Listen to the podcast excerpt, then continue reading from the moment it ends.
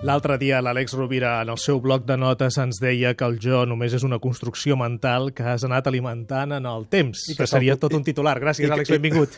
Moltes gràcies. I que s'autosuporta. És a dir, és com un sistema operatiu tancat que es va retroalimentant contínuament. Parlaves del jo idea, el jo ideal i el personatge. Això, això ho va definir magníficament, com tantes altres coses, el mestre Antoni Blai Fontcoberta, eh, la idea del nostre jo, eh, que és un conjunt de pensaments i creences sobre el qual nosaltres ens, ens conformem i com els hi donem autoritat, eh, pensem que és real.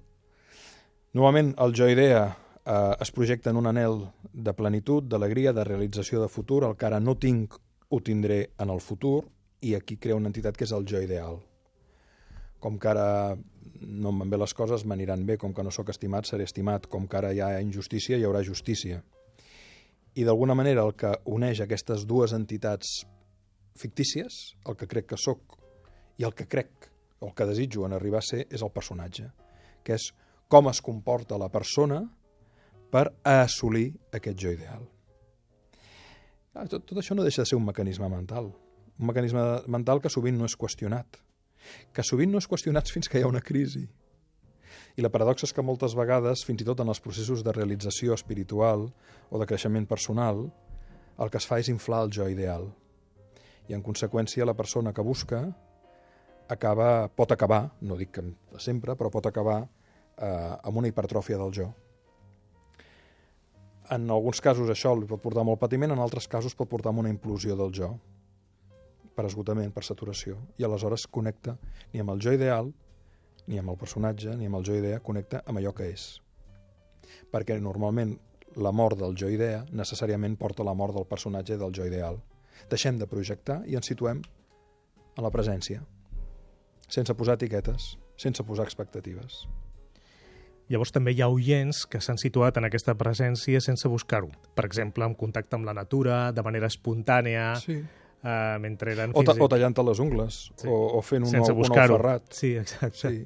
Però aquí caldria diferenciar probablement tres tipus d'experiències, el que podríem dir els albirs o besllums, que són moments on la persona experimenta una dissolució del jo, i fins i tot un contacte amb allò que podríem dir un etern present, un no, o un no temps.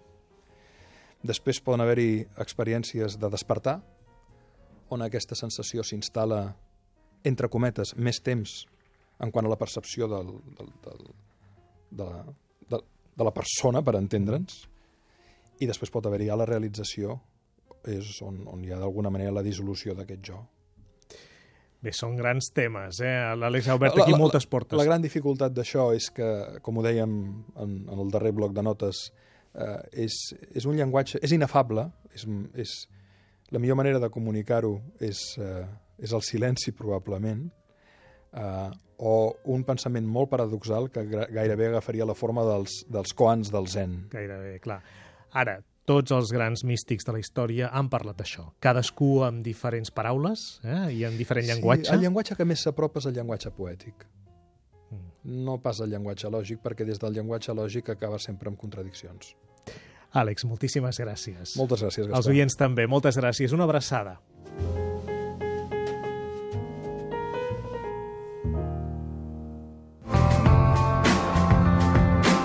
L'Ofici de Viure el fem l'Elisabet Pedrosa, el guió i a la coordinació, l'Eduard Nas a la realització tècnica. Moltes de les musiquetes que senten els oients de les sintonies són escollides per l'Eduard Nas.